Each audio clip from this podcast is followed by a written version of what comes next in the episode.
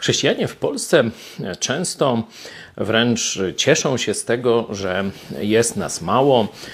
Mówią, że no, jesteśmy taką garstką, resztką i tak dalej. Oczywiście prawdą jest, że chrześcijanie, prawdziwi chrześcijanie przynajmniej zawsze będą w mniejszości, bo Jezus powiedział, że jest wąska droga i niewielu ją wybiera. Ale wąska droga to nie oznacza, że absolutnie Bóg neguje liczebność chrześcijan, czy nie chce dużych skupisk chrześcijan. Już w Starym Testamencie, kiedy Państwo i Kościół to było jedno. W Izraelu to się nazywa teokracja. Znajdujemy w księdze przypowieści Salomona takie zdanie. To jest 14 rozdział, 28 werset.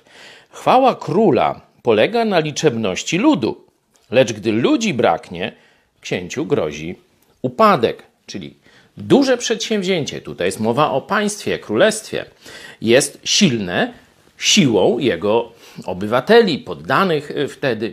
Jeśli rzeczywiście e, nie będzie ludzi, to żadne duże przedsięwzięcie się nie uda. Przenieśmy się teraz do Nowego Testamentu, do dziejów apostolskich. Zobaczcie, że liczby znajdują się już na samym początku. Kiedy Duch Święty wstępuje na apostołów, oni zaczynają głosić Ewangelię, od razu mamy podane, ile ludzi jednego dnia się nawróciło. I są to tysiące. Stąd musimy wyprowadzić wniosek, że te liczby miały wartość, że jeśli ludzie zobaczyli taki ogrom, było wtedy w Jerozolimie zapewne kilkadziesiąt, może sto tysięcy, ale tu trzy tysiące. Oczywiście to mniejszość, ale jednak trzy tysiące ludzi na raz nawracających się to stawia w głowach innych znak zapytania, czy czasem coś się nie dzieje wartościowego. Później te liczby ciągle się pojawiają. Wczoraj mówiłem, że do wielkich dzieł potrzebna jest wizja. Mówiliśmy o wizji uniwersytetu.